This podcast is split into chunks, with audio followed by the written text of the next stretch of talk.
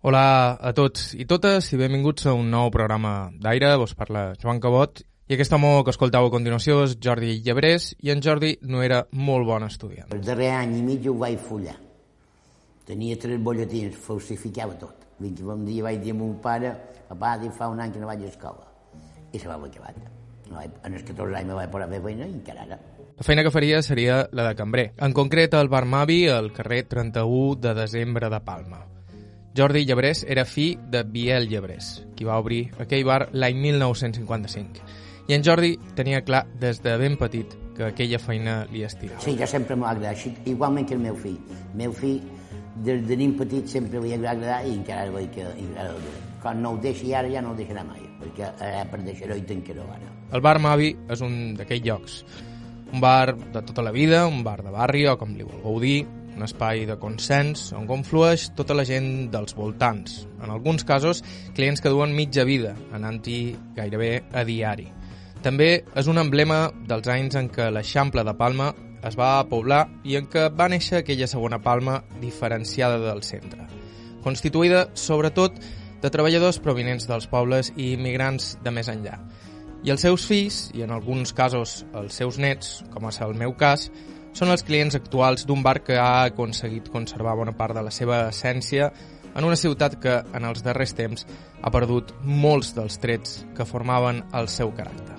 En el programa d'avui, la història d'un dels pocs llocs de Palma que encara són totalment nostres.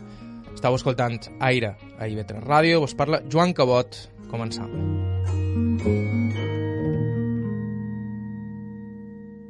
I començam amb les presentacions. Aquesta és Jordi Llebret Ciré, segona generació de propietaris del Bar Mavi. Jo som Jordi Llebrés Ciré. Vaig néixer el dia 18 d'agost de l'any 1945 en el Vivero, calle Banner número 33. Mon pare va fer feina en el mercat dels hortolans, el Boqueres, el Boqueres Galeria d'Avenida, davant del Corte Inglés. Allà el papa hi va fer feina, eh, jo vaig néixer, estiguem fent feina allà. Llavors allò se va, se va tancar perquè se va, se va fer el mercat de l'Oboida. I mentrestant mon pare se, llavors se'n va anar a fer feina a la pensió en Balear. I va fer feina de dos anys, que va ser quan jo vaig comprar allà. I mentre mon pare feia feina allà, l'amo en Geroni, que era l'amo del mercat dels hortolans, el va anar a cercar perquè mon pare, segons deien, era bastant bon camarer. I el volia com a socio i varen comprar el bar Uiseu, a l'avenida Comte de Sallent. I va ser un bar que va marxar pues, bastant bé. I eh, mon pare va allà perquè el papa eh, pagava la seva part fent feina, perquè no teníem un punyetero duro. I la madona d'allà se va posar en polla, perquè tenia dos fills grans, un fill i una filla, un tal Biel, un tal Kika, i en els dos anys va dir a mon pare, o te quedes tu o m'ho quedo jo. Clar, el papà pues, va haver de partir. I es cap d'un any van comprar el bar Gomila en el 31 de desembre, que se deia Gomila aquest cafè. L'any va ser dia 14 de juliol de l'any 1955. Vàrem entrar aquí. I de llavors pues, estem aquí. La vida nostra aquí pues, sempre ha estat, això era un cafetet de barri, però hem anat cresquent, cresquent, cresquent, jo vaig posar un negocis que no, per deixar bar, que me van anar, no me van anar molt bé, no vaig tenir sort amb els socios, i va ser quan la dona i jo me'l vàrem haver de posar a fer menjar, perquè jo tenia tres fills, mon pare i mon mare, i el cafè pues, no donava per, per, per només cafè per tanta gent. I tira, tira, la dona i jo me'l van posar a fer menjar, i d'aquí va néixer el bar Mavi, actualment, que ho és menús, pum, pum, pam. A més, era un temps que, se, que els negocis sortien per amunt, se per amunt. I diré una cosa que molta gent se pensa, que el nom de Mavi no és cap nom compost, sinó que a davant aquí hi havia un tal senyor José de Miguel Uller que venia unes bombes de treure aigua italianes, que el Campos i la Pobla estan plenes. I aquest senyor estava, no li queda molt bé l'amo antic d'aquest cafè, i damunt es portava, hi havia el nom que se deia Bar I un dia diu, Gabriel, quita este nombre, ja me tiene harto. I mon pare va dir, no sé qui vull de posar. Diu, si poses Mavi, te rellevaré todo. i d'aquí ve el nom de mami, que són bombes de treure aigua, no, som, no és cap com, nom com poc que s'apareixia Margarita Vidal, ni Maria Vic, ni res. És un motor de treure, i va ser per això. Aquí ve el nom de mami, no té res més.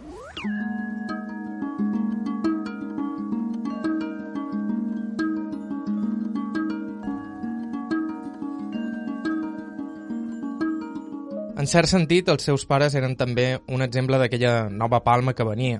Tots dos provenien de Sencelles i es van instal·lar a ciutat per fer jornal. Varen instal·lar-se en el Vivero, un poc més lluny del centre, llavors fora Palma, però els records d'en Jordi són sobretot de l'Eixample, d'aquells carrers al voltant del Mavi, més enllà de les avingudes. Mon pare eh, i mon mare eren de Sencelles, Mo mare tenia 19 anys quan se va casar i mon pare 32. Ja hi havia un, un sergent fet. I varen venir a viure en el vivero a unes cases de Don Toni Dardé, del vivero, ja veig del carrer Banner. Anaven, anaven a, a unes cases, que ara no recordo el nom, a la meva predina, a fer matances, que eren, que eren família del senyor de Can Dardé. I va ser quan la meva predina va demanar si tenien cap casa per la seva filla, que és ma mare, per venir a viure, i van venir a viure aquí a Palma el, el vivero va ser el que van fer el, el corte de Son Rutllant. I jo anava a escola a, a la Salla en Espondinca, en el tramvia, amb una bicicleta d'un amic meu. Era una, una barriada molt, molt agradable, molt amable, era, era molt distint de que és ara. Perquè hi havia el Rafal, llavors Vivero, hi havia, llavors varen fer les viviendes, que he vist fer, després el torrent gros que devia de Espondinca, i jo Espondinca. I jo, mentre estava en el Liceu també, jo he anat moltes vegades, perquè sempre he estat un poc trepitger, en l'autobús de dos pisos d'Ibèria que anava, que tenia la terminal, allà on era antes Can Meca, el cap de cantó de les avingudes, i anaven a Son Bonet. I, jo feia, i el bar, allà davant hi havia Can Meca, davant la terminal d'Ibèria, el bar Liceu nostre, i en el costat hi havia el bar Rosales, que era un cafè que venia a les entrades de, dels les bars dels. Era molt famós el bar Rosales per això. I canvi Esquerra Botines, que era la tenda de ràdios més famosa de Palma. Per exemple, aquí on hi ha la Banca Marc, era una planta baixa i un primer pis que hi vivien els olives. Saps que aquí de Sa, aquí on hi havia la pasteleria Llull, i aquesta casa sí que estava feta. I aquí hi havia el, bar eh, Can Babucho, bar Can Babucho eh, aquí eh, més avall hi havia Talleres Garí, que això també aquí, que eren les molles, molles de camions i cotxes i, i ballestes, Talleres Garí.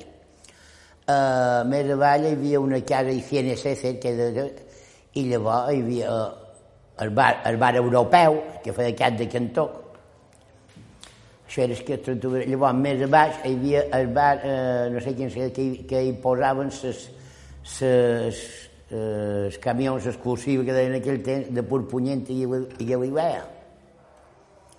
I llavors, a davant hi havia, me recordo, hi havia el bar el Colmado Vidal, que era un colmado bastant senyor. Llavors, un cap de cantó hi havia una casa de material de construcció i no hi havia massa més. En aquell... Plantes baixes i un primer pis, però no hi havia tot això, s'ha construït jo, tot això, tot això. Aquí mateix, aquí mateix, quan nosaltres estàvem en el liceu, allà on era Sòptica Moreno, dic que no, no és que ho feia, però allà, aquí hi havia la Creu Roja, una segura. Llavors, era molt que van fer. Quan nosaltres vam venir aquí, en el cap, a la plaça a la punta, que diguéssim, aquí hi havia el camp de l'Atlètic, que va ser quan va se fa fer la Unió Atlètic Baleares, que vam anar eh, allà. Però aquí només hi havia la Creu Roja, els pavellons militars, un parell de cases al costat, el corter d'automòbils, l'olivera, però llavors tot això era camp, eren horts. Jo, quan vaig fer, jo vaig fer servici de sanitat, que era a darrere hi havia, havia que era de don Juan Jaume Lloberas, comandant, era un hort, jo cada dia anava a cercar la llet. I aquí, durant molt d'anys, varen fer una llet merengada molt bona, que anàvem a Sant Hugo, l'Arqueugó, que és allà on ara hi ha l'hipòdromo, just darrere, Sant Hugo, a Sant Hugo. O que també va venir un inspector i va veure l'olla de llet, que tenia, diu, això què és? Diu, que nosaltres, diu, jo no he vist res que sigui la darrera vegada que, diu, però aquella va que estar, se va, a Maia, vull dir, a Maia, se va, va cercar la llet. Diu, tu no ho pots tenir. I ho vol, ja fa molt d'any que no se pot servir.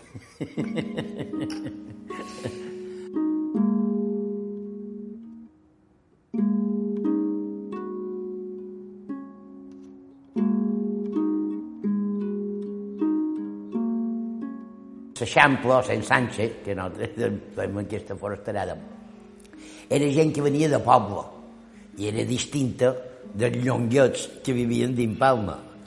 De les vingudes per endins, pues eren ciutadans, eren palmesanos.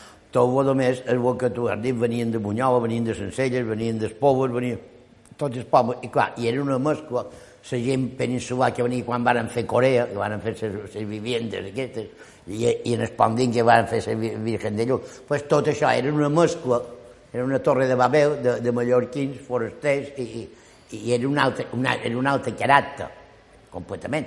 Però aquí encara també, com en els pobles, en el meu temps de jovenet, la gent de fora, el 31 de desembre, seia la fresca. Totes les plantes baixes treien la cadira i seien a la fresca. Entens? Era, era una família, era una família, era distint que Palma. Allò ja eren ciutadans, panecillos, i això era, era, i era jo de dues, que era per damunt la mescla que hi havia de, de mallorquins, de pagesos, de, de, de, de castellans de, i de, de, de palmesanos també, mateix temps. Jo és això que hi veia la diferència, no és que hi havia, i llavors hi havia el cas continc, el gran botifarra.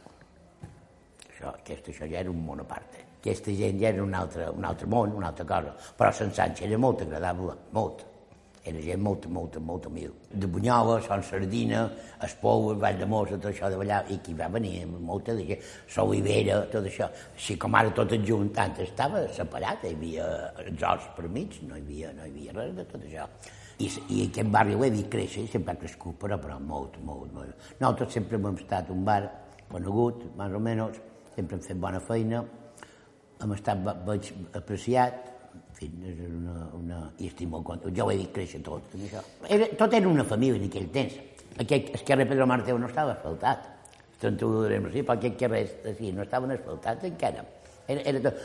El que també hi havia el bar Vista Alegre, i en el costat hi havia aquella de la senyora que antes tenia el bar, que doña Rafael, que tenia un estany, que encara existeix, l'estany petitó, perquè aquest estany és, és molt, molt antic. I, i jo me vaig casar aquí a Ferrat a Soteu Cabón, això Soteu Cabón era un trast, que jo hi jugava, ho hem vist fer, que ho va fer don Guillem Mora, eh, Mora, don Guillem Mora. I en el costat hi havia una botiga, hi havia cinc germanes jo me vaig casar amb una, d'edat de 14 anys, estic amb la meva dona, que fa 50, 50 i pico d'anys que estan casats, fa 54 anys.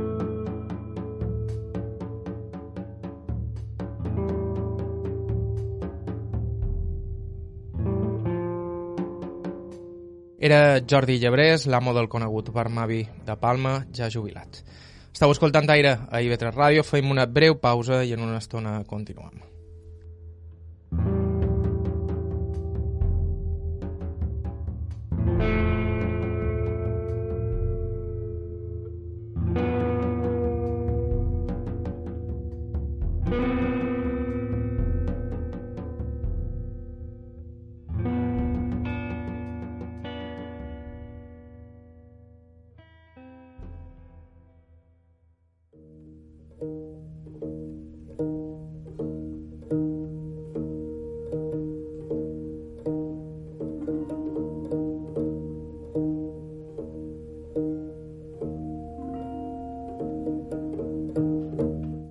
Nou, estàu escoltant Aire i Betre Ràdio, som en Joan Cabot i el protagonista del programa d'avui és Jordi Llebrés. Tot un personatge que molta gent, els més veterans sobretot, recordaran darrere la barra del bar Mavi. Bar que varen inaugurar son pare i sa mare i que ja va per la tercera generació en mans de la mateixa família.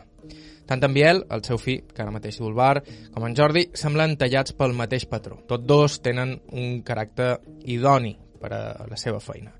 I s'ha de menester, i com podeu suposar, la cosa també ve d'herència. Com era de caràcter ton pare? Molt sèrio i molt alegre. Sèrio, salut, salut i alegre. Sempre em va recordar una cosa, sempre ho veia en el cap de cantó de la barra, així, tot sol, i tu hi anaves, sempre se veia a la boca.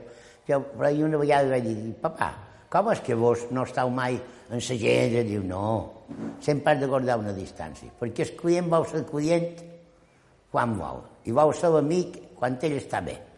I l'amo ha, de, ha de guardar. Si ell te ve i te diu, oi, bien, com anem? Va bé, molt bé. No te diu res, tu calla.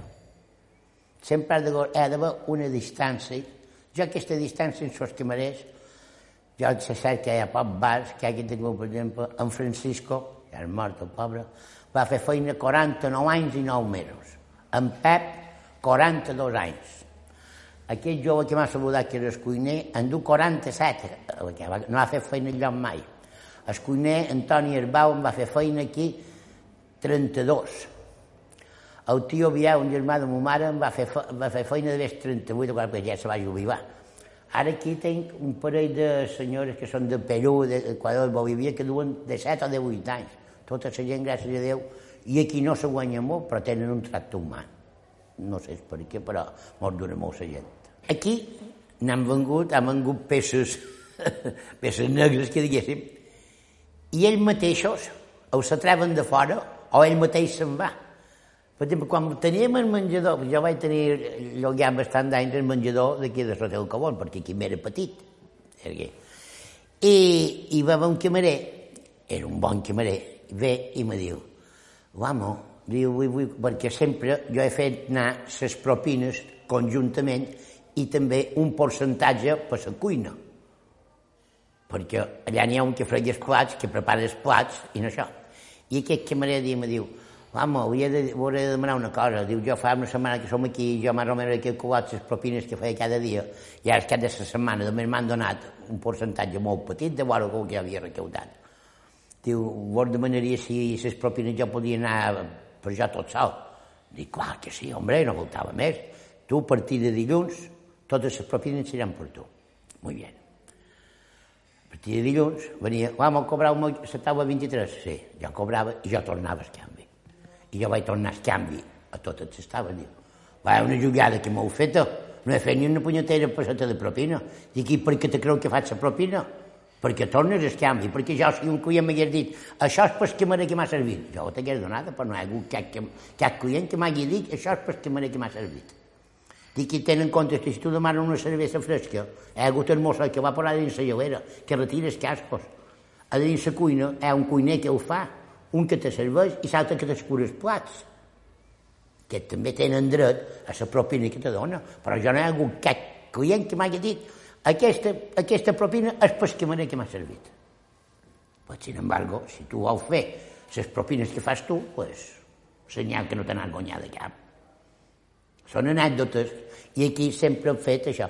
Qualque camarer pues, se n'ha anat tot sol perquè els altres ho han tret, que no se troba, no se troba gust, pues, es diuen, i qui, no, jo no he hagut de triar mai, gairebé. Ells mateixos se'n van, o queden. Mira, Antoni, t'ha d'agradar i has de, i has de servir. I molta més, molta més terra. Eh, és, és, molt de negocis d'avui en dia fracassen, perquè, per exemple, camarer se pensen que és muntar una gelera, pum, quant de camarer vol que te serveixen així? Poses el morro, més oberta tonteries moltes, sempre davant, davant la bandeja, la dura així la bandeja, i aquí un pedaç. Has de saber estirar i torcar la taula. En fi, hi ha d'haver alegria. Si tu tens res, pues, guarda que teva. Eh, bon dia. Jo bon dia, saludar és primordial per jo. Si aquí entra jo hauré de dir bon dia. Eh, tothom, en fi, ha d'haver un tracto en la clientela per ser un camarer. Un camarer, un dependent d'una tenda, qualsevol. Es tracta del públic. Jo faig la broma quan me diu, jo no tens estudis, jo de Cambridge, Harvard i Oxford, són tres universitats molt bones, però n'hi ha una per jo que vull supera, que és la Universitat del Mavi. Aquí de dins? Són molt d'anys pues, que, que el meu fill eh, l'aprèn, més o menys. El món canvia, és una altra cosa. Una altra. I ara també ja hi ha el meu net que fa feina, però ja són quatre generacions que fan feina aquí. Ja n'hi ha. Fíjate, la feina de camarer és, és, és agradable és agradable si a tu t'agrada. Bé, com totes les feines. Antoni Herbau és cuiner nostre. Si mai, si mai escolta aquesta entrevista ho dirà. Va fer feina aquí, cada, any, cada dia va venir emprenyat a fer feina. El veia, era un gran cuiner, eh, mi, tots anys que va estar. Però diu, ho heu de venir uh, content a fer feina, l'amo. Dic, conyo, però ja, ja que la feina és dura, vine content, ja que ets. Feu alegre, dic, que envia? Diu, no, i, i va haver feina aquí 30 anys. Són coses, Antoni Herbau, un gran cuiner i un gran amic de la casa. Tots han tingut la gran sort que han tingut sempre amics a la casa, molts. Aquest Simó Martorell viu a Campos, encara és viu. Déu faci m'escolti i vull enviar recordos. En resum, que per fer feina darrere d'una barra has d'estar fet d'una pasta especial. I més en aquells temps en què el bar gairebé just tancava per fer net i tornar a obrir. Quan jo tenia 18 anys, mon pare me va demanar si jo volia al bar. Dic, d'aquí dues setmanes vos contestaré. En aquells temps meu jove, només hi havia el bar Moca del carrer de Sant Miquel que tancava els diumenges. I jo vaig reunir en el bar Nissa, que ja no existeix, vaig reunir tots els bars del 31 de desembre eh, eh, i del carrer del Lluís Salvador i això. Era per si volien tancar un dia per setmana. I tots esperaven que sortís un cavallet jove que dugués aquesta idea. I me van dir que sí. I a partir d'aquí llavors jo vaig dir a mon pare que tancava un dia per setmana que quasi em va treure de fora, perquè aquells homes no ho podien entendre això. I llavors més en van, degut en, en les hores sindicals, sindicals i tot això, vaig haver de tancar també un dia per setmana perquè fer feina pues, no, no te reportava, havies de tancar. De part del bar Moca, del bar Moca del carrer Sant Miquel, el barri aquell, jo vaig ser l'impulsor de tancar un dia per setmana. I ara, avui en dia, pues, ja comença a ser una feina normal, perquè nosaltres, te dic, obríem a les 5 del matí i tancàvem a les 3 de la nit. Molt venia just fer poal de serradís banyat per granar el cafè i tornar a vestir. I les taules totes eren de màrmol i se feien netes, amb aigua se va fugir i xivet. Cada dia, cada dia. I te venia just tancar, fer net i tornar a obrir. No aturava en cap moment. No, no, gràcies a Déu no aturava en cap moment. També eren un temps que no hi havia cafetera. Llavors, quan se va fer el polígono, varen començar a sortir que, que fateres italianes, pues, pues, ja varen començar a baixar una miqueta, perquè per nosaltres aquí, ara és unes, no sé si ho puc dir o no, però la cumbre van arribar un dijous a fer 12 quilos de cafè en un dia. Nosaltres aquí el promig nostre era 7-8 cafè, quilos de cafè diari. Una animalada, però era això. Igualment que la llet merengada en altre riu feien 60 litres diari de, de llet merengada. Per en aquell temps hi havia gelat i granissat de taronja i la llet merengada. Hi havia poques cobres, no, no, no hi havia... No. Varen començar a dinar, que no feien carta. Fèiem, varen començar que fèiem el dinar per nosaltres, perquè érem, érem cinc, tres que marem, la dona i jo, i un poc més. Jo vaig estar un any que no vaig poder dinar, ni la dona, perquè ho venien tot, ho veníem i cada dia vam anar. I llavors aquí pràcticament no fèiem menú, fèiem dos d'hora tres primers, un parell de segons i principalment els diumenges arròs sec. No paella, arròs. En fi, no, no era un, això no ha estat mai un restaurant. Això ha estat una casa de menjar. Aquí la gent venia a dinar. I dinava pues, el que nosaltres fèiem, pràcticament. No era, un, no era una carta, no tenien carta. Sí, perquè aquí hi havia gent que venia al migdia a dinar d'un bocadillo i de bo que avui podíem fer, Maria, te fem una torta. I van dir, mira, vols que he fet sopa i vols... I així van començar a tirar, tira, tira, tira, tira, tira, tira, tira, tira. Era quan Mallorca eh, sembraven una, una, una monjeta i tenies una mongetera i, i posaven un negociet. Si eres un poquet enginyós, pues tot funcionava a Mallorca en aquell temps. O que també, també, eh, cocials, el mateix Cosiau, si un puesto entre caves i poses un pot de, de, de, de fens i relles, i en el veïnat no n'hi poses, pues un se, i un es al salt, i nosaltres per mi en devien saber, i, i van créixer per amunt. Però el debut és la feina i el caràcter i tot. Mon pare se n'anava a dormir de molt a 9 i mitja, 10, de 9, fins a les 3, 3 i mitja, 4, dormir de dia. I, i, i en, en Sivern de vegades perquè teníem en Francisco que ja és i en Jesús que el viu però ja no, no com es disposar se'n va anar antes d'aquí. Uh, o millor els papàs anaven perquè aquí de dins quan varen venir aquí el que és el cafè hi havia dues habitacions i la cuina també eren 100, 102 metres quadrats i el papà dormia aquí, aquí de dins i potser se tombava un poc, però el papà eh, eh, era que obria i tancava, i dormia de dia. I llavors de dia pues, molts tornaven. En aquells entonces, tant en Francisco com en Jesús com en Pep, la, jornada laboral en 10 hores.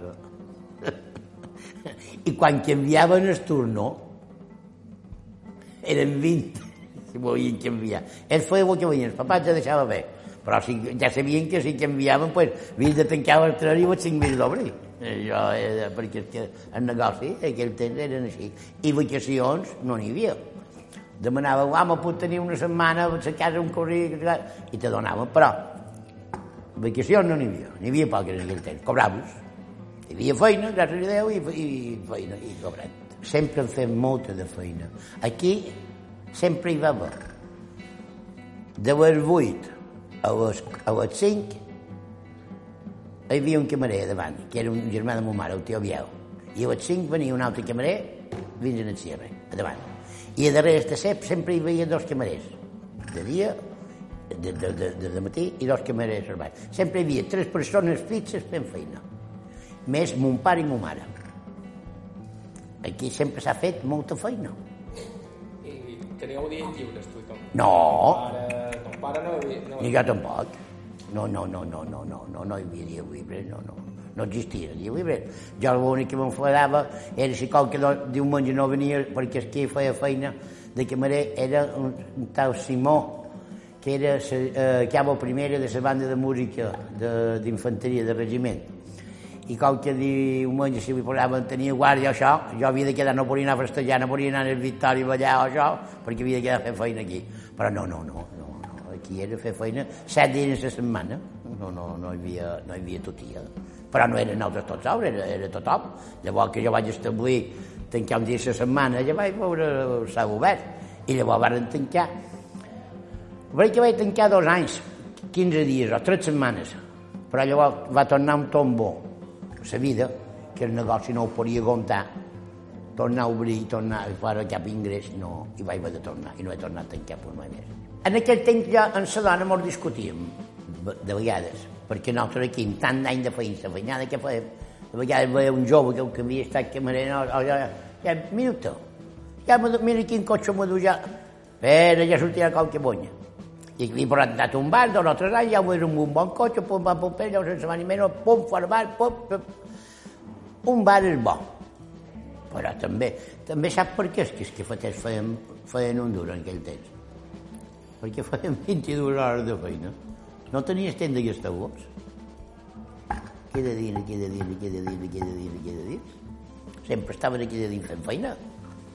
I clar, no, si, si tu ni fiques i no en treus, saps? Arriben a retre el dobler. O que clar, en aquell temps el dobler retia molt més que ara. Ara, converses en sol que converses, en el que ho hi va bé. Si treu llàstos i viu, ja ho hi va bé. No sé els motius, però no funciona. Avui en dia, la vida que du, un que, la vida que du el meu fill, jo avui no ho duria amb ell. Jo ho he dit moltes vegades. Jo al meu fill el consell que li he donat, no poc, perquè jo considero que un home ja de l'edat que té el meu fill, son pare no havia d'anar a matracar. Jo li vaig entregar el cafè, hi havia coses que no m'agradaven, però ell ha de seguir. Com ara, jo no ho puc ajudar en res perquè la vida ha canviat tant aquest merder que hi ha, perdona l'expressió, no l'entenc ni, ni, ni, ni, ni un bon jurat, no sap anar de partir, però aposto és que jo no puc donar cap consell, però jo vull dir que miri de fer les coses el millor possible i, i tipus mavi, vull dir d'aquesta manera, perquè ho entengui, perquè eh, antigament és que ja em podies posar les bateries bones per el barri, però quan te volies comprar unes sabates, t'anaves a carregar un segon al carrer sindicat. Eh, ja i quan menjar un menjar a part, que en Joan de Saigo, ho tens a dins el capet. I jo millor hi ha altres puestos que ho fan tan bo, però la idea és que quan les coses... Eh, I el Mavi, jo ho he dit, procura mantenir mentre el món ho, ho admeti, perquè és qui comanda el món, no, no ets tu. Però jo considero que això, un altre exemple, per exemple, no és que faci en compte ni propaganda, però, per exemple, la bodega Barramba va canviar davant Roger i segueix la mateixa tradició que tenia allà. Pues ell i nosaltres, més o menys, som els que fem les tapetes aquestes de fa 60 o 70 anys. Eh, no, no fem el muntadit, també en fan, però en fi, jo considero que s'ha de fer aquesta, aquesta de menjar. I el menjar nostre que varen fer la meva dona i jo sempre va ser un menjar igual. No, ara ahir Ahir varen fer un funeral a don Jaume Gimbert i la seva, i la seva dona, doña Margarita, varen venir a dinar aquí 28 anys cada dia, cada dia, cada dia. De 15 i 20 anys tenien molt de clients i era difícil no cansar un client menjar. I era perquè nosaltres procuràvem fer menjar com a casa teva. Dos o tres primers, però sopa, bullit, eh, eh, cu cuinat, eh, en fi, estofat, ja de pilotes, pues, un menjar d'aquest casolà, i amb un gust casolà. I la gent, pues, per aguantar tanta estona, pues, eh, eh, com que una vegada dues que vaig tancar per vacació, m'ho van dir, diu, han passat gust de canviar. Quan els tres o quatre dies ja m'ho han cansat. Això és que me deien, m'entén? No, no, no, no. El que passa que ara aquesta gent ja a fuita d'aquest món, és morta, i el jovent pues, ja és un altre, ja ha d'agafar una altra vista. La gent que tenia de la una a les dues, pues deuen haver mort 50 o 60 persones. I això ho han de mirar de, de, de reactivar, que és molt mal de reactivar, això, perquè això si no és persones retirada, és impossible que tu a et vagis a dinar. Entens? Però, eh, no sé, supos que seguiran així. Més o menys veig que entrant, segueixen més o menys, s'han renovat la carta en plats com moderns, però també segueixen fer sopa i bullit i estofat i fava pavades dimecres, en fi, fan un plats típic nostres que veig que en casa segueixen fent.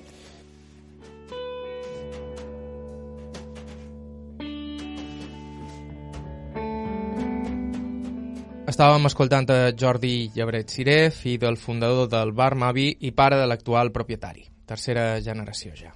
Fem una breu pausa i en uns segons continuem amb ell.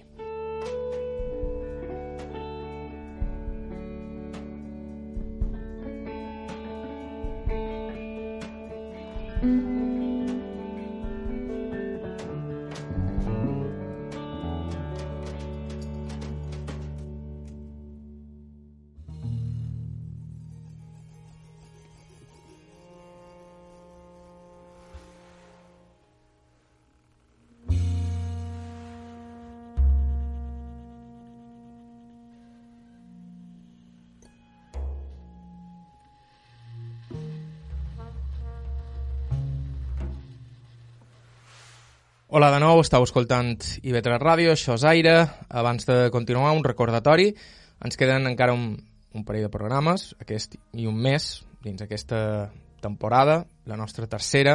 A l'agost descansarem un poc, però malgrat no s'emetin nous programes d'aire, sí continuarem fent entrevistes i sempre estem cercant testimonis interessants, sobretot gent major que ens pugui parlar de com eren les coses abans o hagi viscut fets insòlids.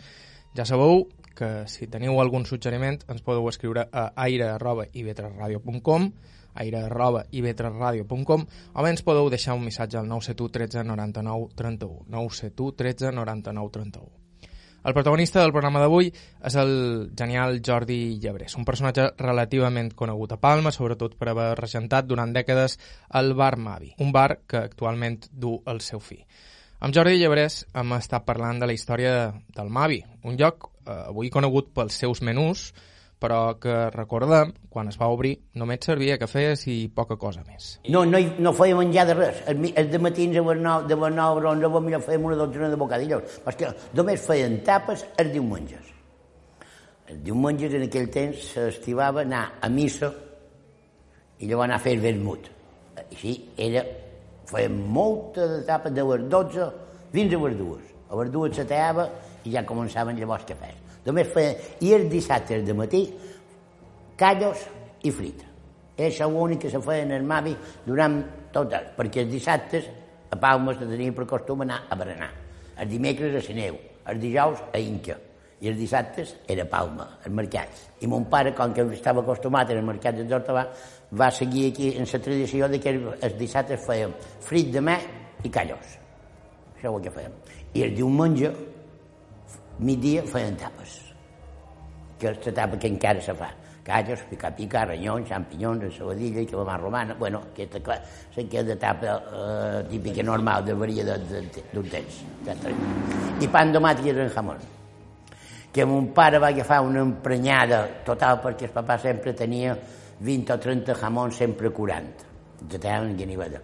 Però llavors se va posar de, de mà de gent, a Gènova, que en Gonzalo, i, i sentia d'aquí, anem a menjar un, bon pan, un bon pan bol, i mon pare s'emprenyava a sentir, anem a menjar un bon pan bol, i tu, nosaltres sempre teníem dos o tres pans de dos quilos per fer pan de màtic i en jamón, i sentia, però allò se va posar de moda, i tu saps que contra les modes, pues no pot fer res. Varen seguir igual, però ja no, ja no va ser mai el mateix, perquè quan la gent volia menjar un pan boli, se n'anava a Gènova. Ho ha comentat abans, Jordi Llebrés va intentar encetar nous negocis, però cap li va acabar de funcionar. En tot cas, la història de les seves aventures fora del Mavi també dona per escriure un parell de novel·les.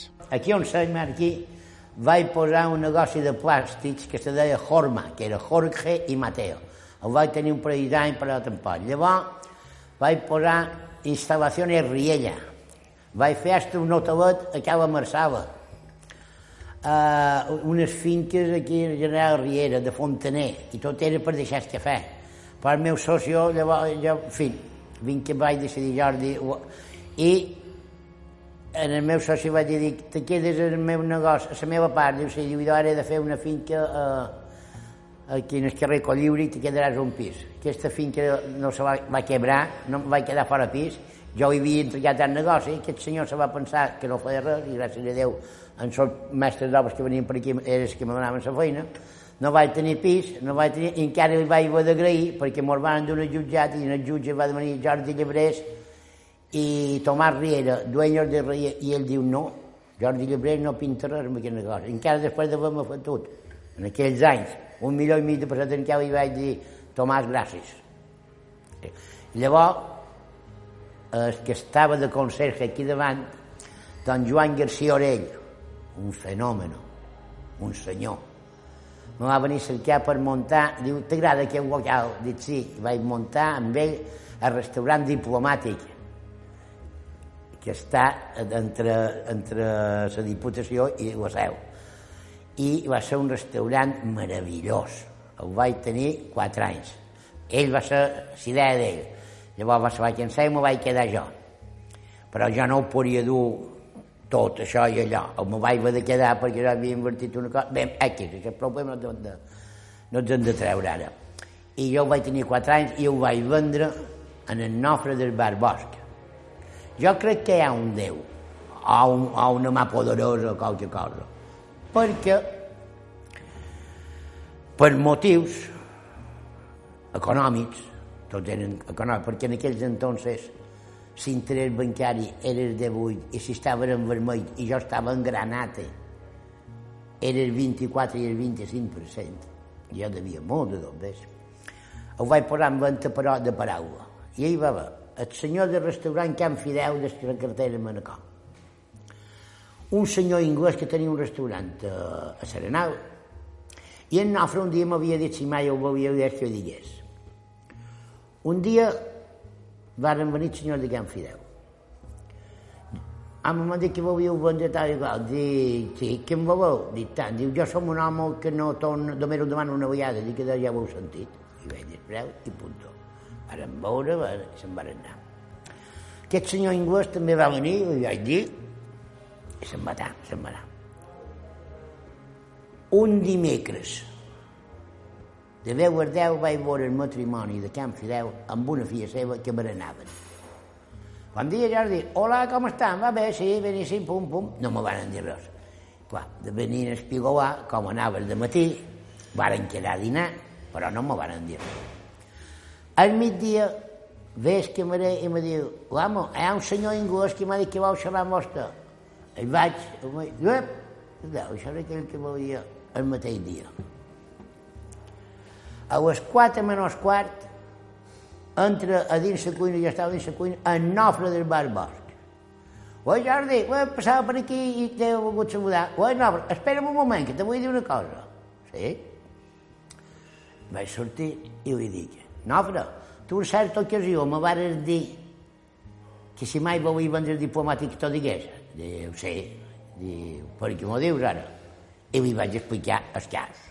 Dic, no és per res. Jordi, diu, això no és comprar una catxa de mistos. Dic, no, ja ho sé, rei meu.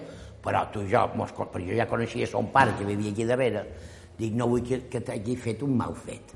Tu m'ho vas dir això, jo t'ho dic. Coneixer aquell senyor, perquè en aquells entonces estava associat que sabia, no sé, de, de bars i, en fi. Diu, sí, és de Can Fideu. Bueno, aquí ja n'hi ha un altre. Jo només t'ho dic perquè si me diuen per comprar-ho no vull que m'ho duguis. Estem que li deia això, ves que m'arei i me diu, aquell senyor, i vaig anar a dir què? Diu, veníem a xerrar per bar. Molt bé. Vaig anar a Can Fideu, dic, que m'han dit que volia xerrar. Sí, veníem a xerrar, que hi ha això et Sofia i el gènere, per xerrar sobre el bar. Molt bé. Dic, Nafra, tots dos volen xerrar del bar. Què fa? Collons, Jordi, dic. Va telefonar, no sé qui. Dic que, dic, pensa, dic que jo necessito vendre-ho. I assegut a la barra del diplomàtic, diu, jo un miquet. I vaig haver d'anar en aquell del senyor i diu, en Nofre del Barboc m'acaba de, de comprar el diplomàtic. El diplomàtic se va vendre d'aquesta manera que ell ho comprava amb, un cunyat seu que era en Joan Contestí, que era, antigament tenia la espiga, la espiga de oro a, a, a, a, a les avingudes, la espiga de oro se deia.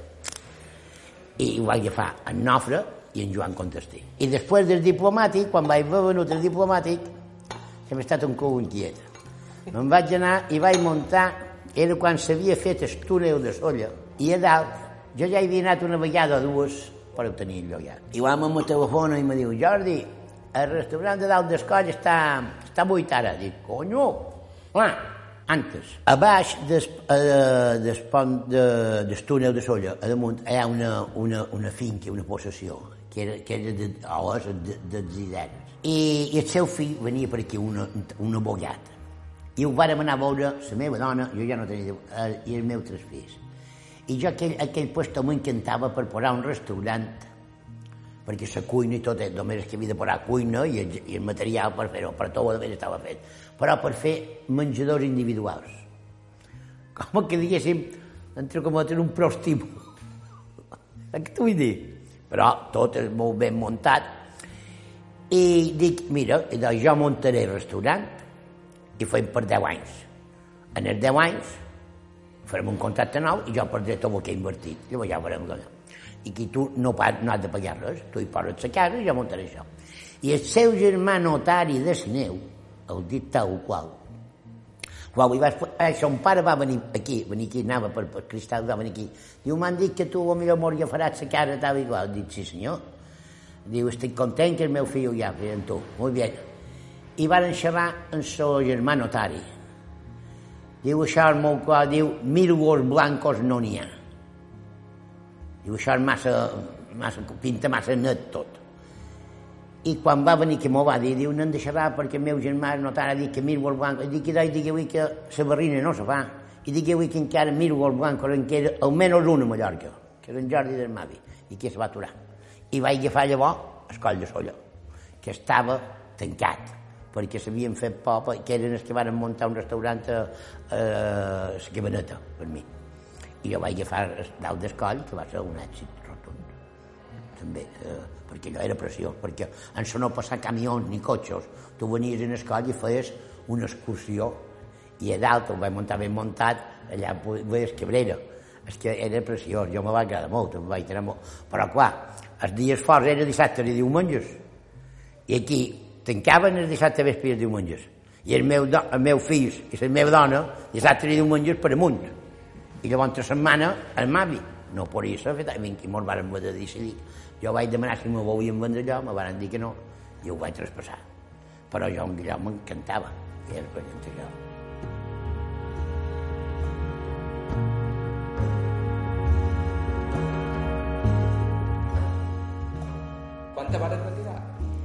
Jo en els 60 eh, vaig, me vaig proposar si podia ser, ser eh, dels homes més pobres del cementeri. Vull menjar el que he fet. He estat una persona que he viatjat molt. En tens un aquí que ara, a l'any 98, el dia vaig estar, dia 24 de juny, en el sol de medianoche. I l'any passat, l'altre vaig estar a l'Antàrtida. He anat, he anat amb en Cinto Bestart, el Sego, el, el gran mariner, vaig anar a fer de cuiner amb ell, vaig anar des de Salvador de Bahia a Trinidad, Tobago, Puerto Rico i Santo Domingo. Vaig estar 14 dies navegant fora tocar terra, de cuiner amb ell.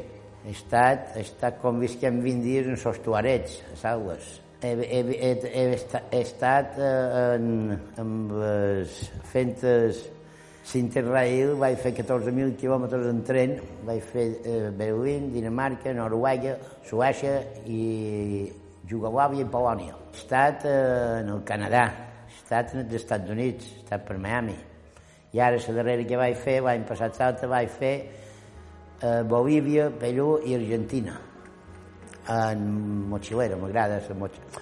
Hotel, però allò altre o quatre dies m'agrada, ja no vaig anar a veure el Papa ni el Bisbe, ni... no.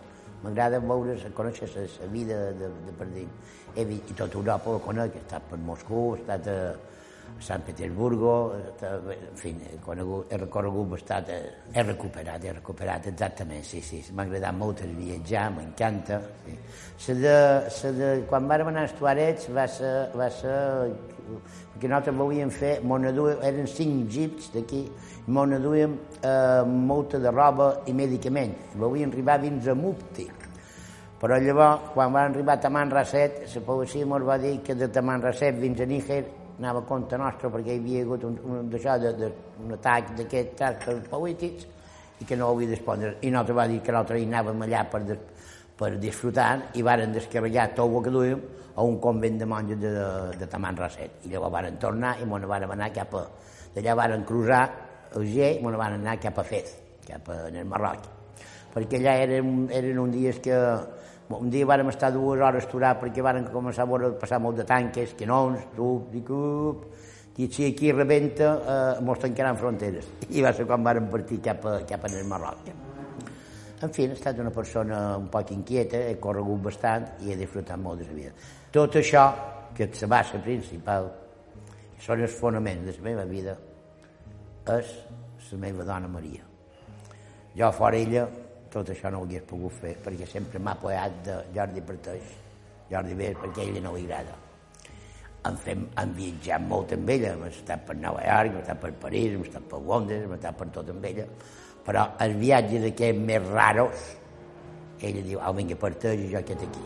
Sempre en la seva por. Si no hagués estat per ella, inclús el Mavi, jo en el Mavi li dono un 80% d'ella, perquè 12 i 14 hores dins la cuina ha d'estar fet. Però ja t'he dit, el 80% de l'èxit del Mavi és la meva dona.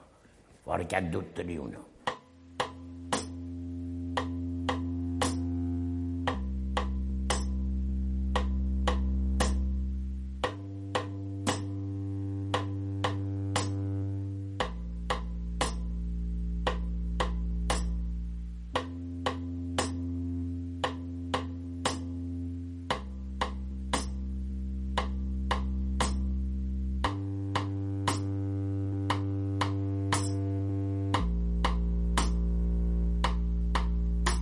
Escoltat Aire a Ivetres Ràdio. Moltíssimes gràcies a Jordi Llebrés pel seu temps i moltíssimes gràcies també al seu fill, Biel Llebrés, i la seva nora, Susana López. La música que ha sonat en el programa d'avui ha estat de Marisa Anderson amb Gene White, Joshua Abrams i Hearts and Minds. Podeu escoltar aquest i tots els programes anteriors a ivetres.org i ivetresalacarta.com i també us podeu subscriure a Aire, a Apple Podcast o a qualsevol servei similar. Si teniu res a dir-nos, ens podeu escriure al nostre correu electrònic aire arroba ivetresradio.com o deixar-nos un missatge al 971 13 99 31. Bàrbara Ferrer, la producció executiva, direcció, guió, edició d'àudio i locució a càrrec d'un servidor, Joan Cabot. Gràcies per ser a l'altre costat i fins la setmana que ve.